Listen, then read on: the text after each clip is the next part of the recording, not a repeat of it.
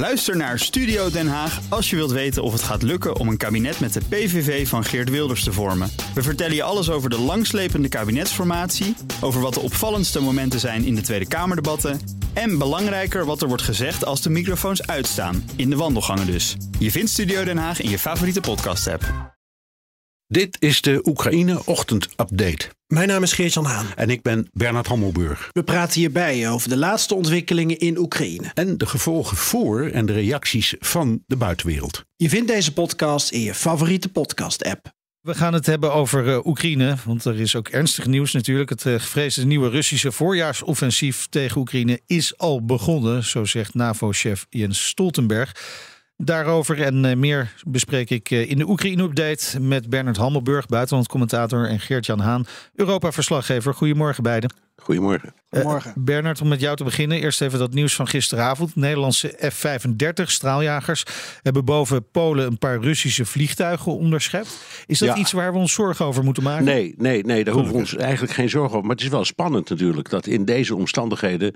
eh, het, ging om Russi- het ging om één Russisch spionagevliegtuig en twee.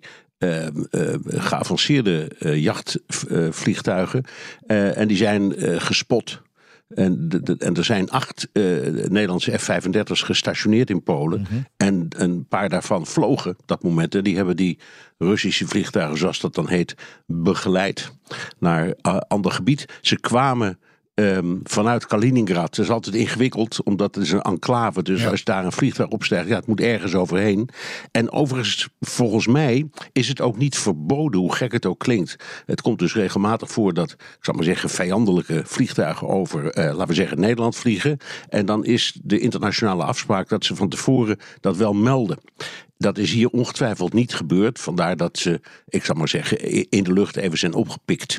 En eh, begeleid naar, staat in de tekst, een ander NAVO-land. Ik weet niet welk NAVO-land. Ja, nou, in ieder geval een vrij normale situatie dus, waar we ons niet al te veel zorgen over moeten maken. Nee, we worden niet betrokken in de derde wereldoorlog. maar het is, dat is wel een spannend Ja, momentje. wel een hoor. spannend Ja. moment, uiteraard. Eh, even terug naar de opmerking van Stoltenberg. Hè. Die, Berg, die zei eh, dat de, het offensief, het lenteoffensief van Rusland is begonnen.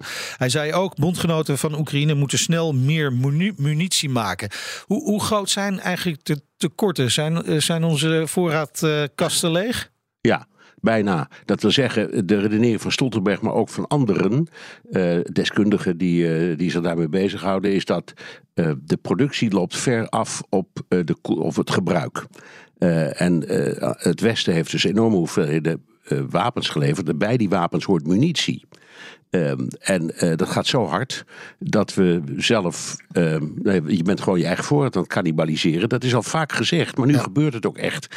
En de, de, dat, daar zei Stoltenberg heel terecht. Die wapenindustrie.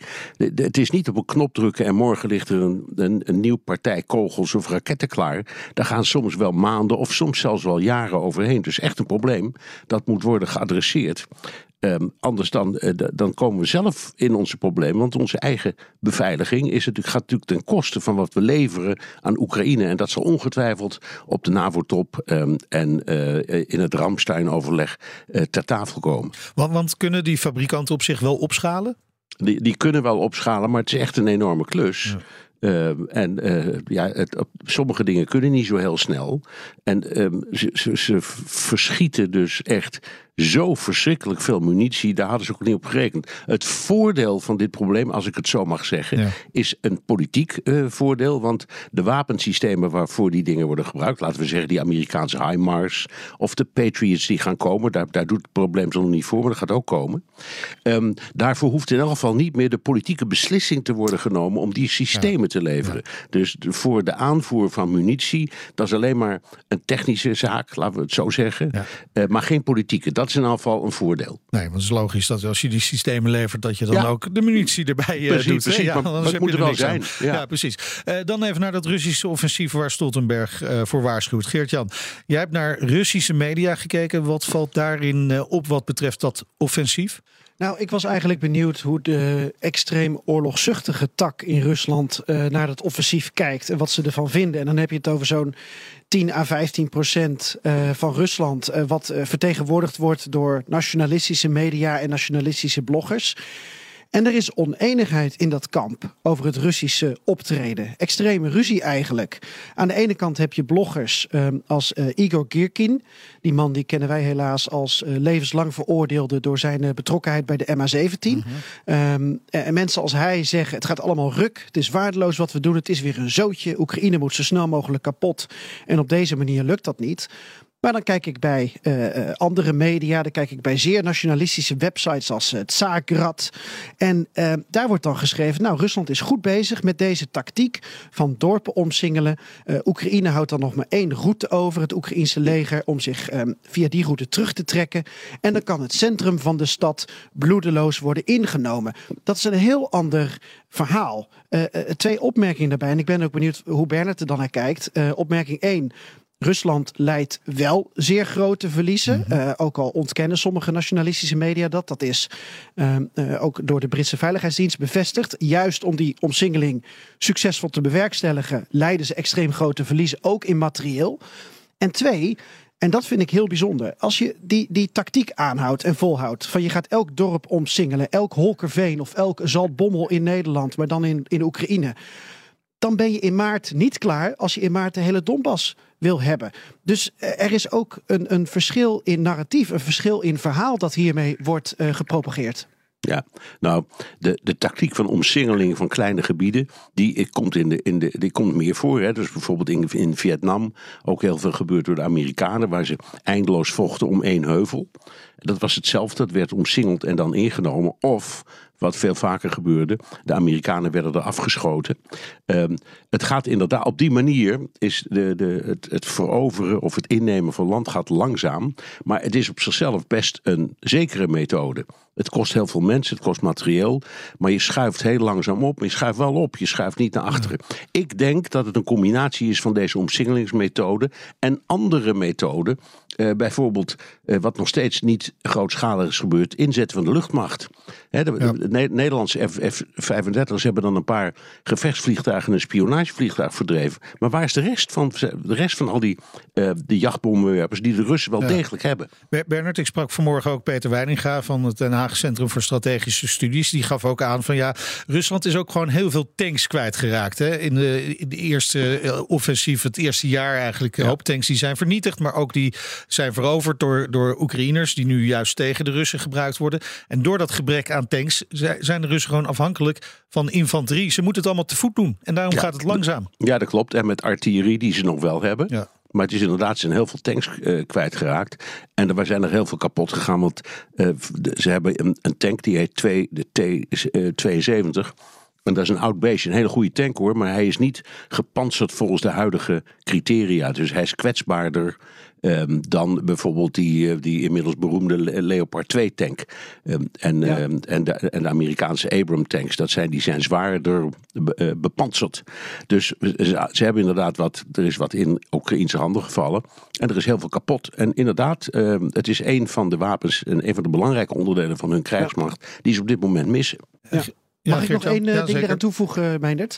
Uh, over die tanks. Uh, er, er is een aantal plekken nu aan het uh, front waar hevig wordt gevochten. Onder andere de plek Voeledar. Voeledar is ten zuidwesten van de stad Donetsk.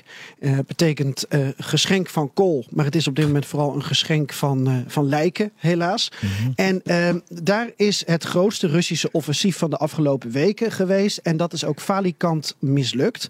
Daar zijn ook tanks en andere gevechtsvoertuigen, uh, tientallen stuks daarvan, zijn weer of uh, vernietigd of uh, achtergelaten door de Russen.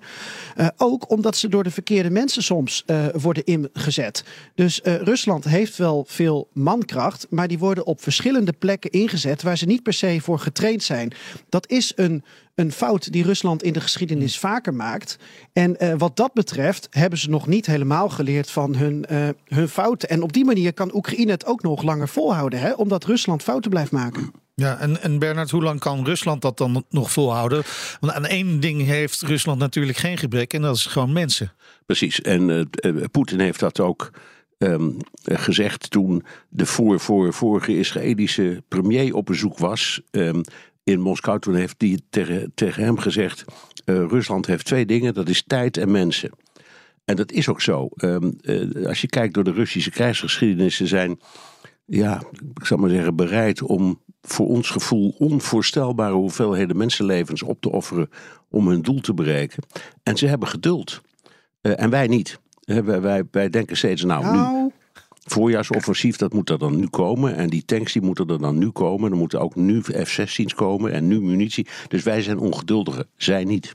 Gert-Jan, nog kort? ja, ik weet, niet, ik weet niet of de Russen op dit moment geduld hebben. Zeker niet de mensen in het Kremlin of Gerasimov, die dan is verordeneerd om eh, in, de, in maart de Donbass ehm, te veroveren. Wat hem echt never, never, never nooit gaat lukken. Daar durf ik heel wat flessen wijn op te zetten. ik vraag me af of de tijd met de Russen is. Ik denk dat de tijd eerder met de Oekraïners is. Ook Liesbeth Staats vind je in de BNR-app. Ja, heel handig. Luister live naar Kees en mij tijdens de Daily Move. Dan blijf je ook gelijk op de hoogte van breaking news en het laatste zakelijke nieuws. En daar vind je ook alle BNR-podcasts, waaronder de Perestrooikast. Download nu de gratis BNR-app en blijf scherp.